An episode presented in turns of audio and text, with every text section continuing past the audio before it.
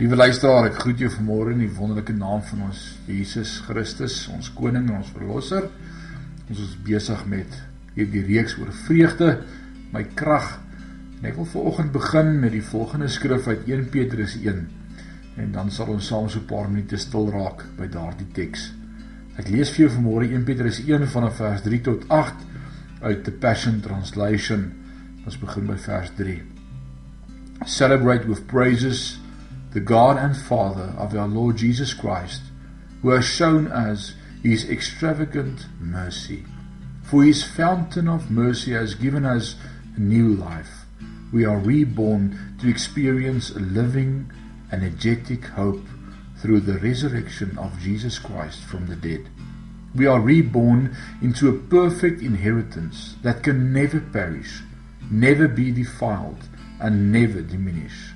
It is promised and preserved forever in the heavenly realm for you.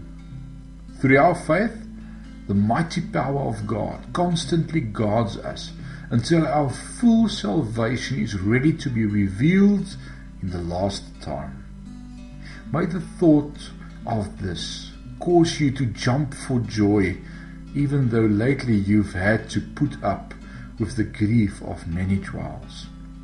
But these only reveal the sterling core of your faith, which is far more valuable than gold that perishes, or even gold is refined by fire. Your authentic faith will result in even more praise, glory, and honor when Jesus, the Anointed One, is revealed. You love Him passionately, although you did not see Him, but through believing in Him, you are saturated with an ecstatic joy, indescribably sublime and immersed in glory. Wat sê hierdie ongelooflike stuk vandag vir my en vir jou? Ek dink ek sal 'n hele week lank net aan hierdie teks kan afstaan. Maar ek gaan probeer om vandag kortliks met julle so 'n paar van die hoogtepunte uit hierdie gedeelte uit 1 Petrus te bespreek. Petrus begin in vers 3 met hierdie woorde: celebrate with praises the God and Father of our Lord Jesus Christ, who has shown his extravagant mercy. Hy sê jubel en prys die Here vir sy extravagant mercy. Nou, ek het gaan soek vir 'n Afrikaanse woord wat ons kan vertaal met hierdie Engelse woord extravagant en raai watter woord kon ek kry in Afrikaans. Die woord uitspattig, oorbodig, oordadig, oortollig alles sinonieme vir God se groot genade oor my en oor jou. Ek weet nie van jou nie, maar soms as ek na 'n televisieprogram kyk en huise se dekor sien, sal ek maklik sê, "Sjoe, this is too much." Dis totaal en al oordadig. My liewe vriend en vriendin, God's grace is extravagant over you.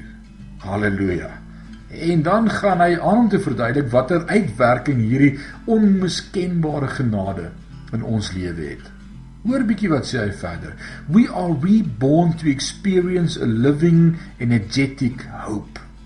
As gevolg van Jesus se opstanding uit die dood en dis 'n aktiewe gebeurtenis.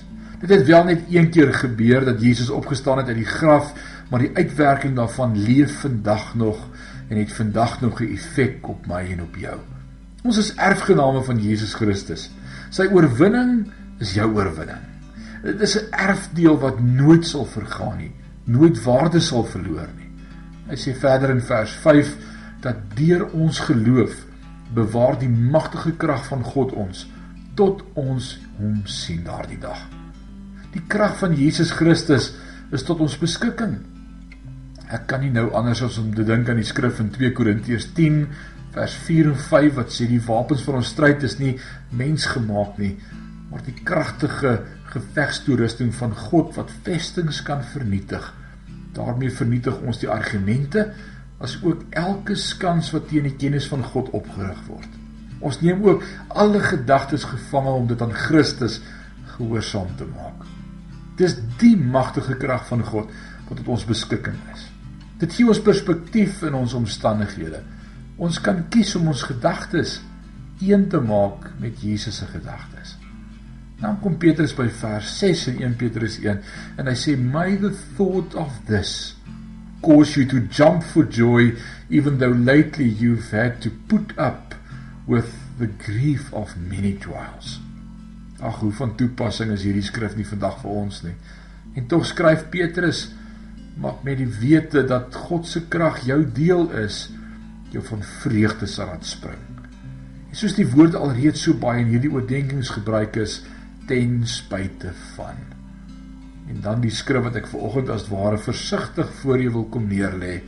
In vers 7 as Petrus hierdie woorde uiter that these only reveal the sterling core of your faith which is far more valuable than gold that perish for even gold is refined by fire your authentic faith will result in even more praise, glory, and honor when Jesus the Anointed is revealed. Ons het in 'n vorige oordeenking reeds gehoor van El Roi, God sien. As dit dan so is, hoekom is al hierdie dinge in die wêreld en in my lewe aan die gang? Hoor wat sê Petrus? But these only reveal the sterling core of your faith which is far more valuable than gold that perishes. For even gold is refined by fire. En dan die antwoord die opsomming of die kulminasie van die stelling oor jou geloof te midde van al hierdie dinge. Your authentic faith will result in even more praise glory and honor when Jesus the anointed one is revealed jou getoetste geloof sal selfs in meer lofprysing uitbreek omdat daar vir jou 'n beloning wag wat al jou verwagtinge sal oortref. En dan vers 8 You love him passionately although you did not see him but through believing in him you are saturated with an ecstatic joy indescribably sublime and immersed in glory. Omdat jy Jesus liefhet, en in hom glo al sien jy hom nie. Omdat jy hom vertrou is jy daarmee deurweek van sy vreugde sy joy. Daar's 'n ou Engelse lied wat vir ons gesê het i have joy unspeakable and full of glory. Ek wil jou vanmôre los met hierdie woorde uit Psalm 30 vers 5 sing unto the lord you saints of his praise his holy name for his anger lasts only a moment, but his favor lasts a lifetime. Weeping may remain for a night, but rejoicing comes in the morning. Amen.